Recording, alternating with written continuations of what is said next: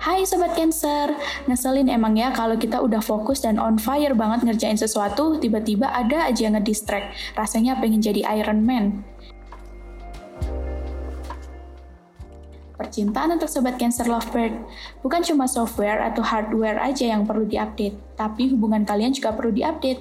Dengan bercerita tentang kegiatan yang sudah dilakukan seharian, bisa menjadikan kalian saling memahami tentang perubahan-perubahan atau keadaan satu sama lain. Jadi nggak ada lagi tuh dialog, kok kamu tiba-tiba aneh sih, jadi suka ini, jadi nggak suka itu, dan berujung curiga. Percintaan untuk sobat Cancer yang masih single, berhenti bersama dengan seseorang yang terus-menerus memberikan kamu pressure,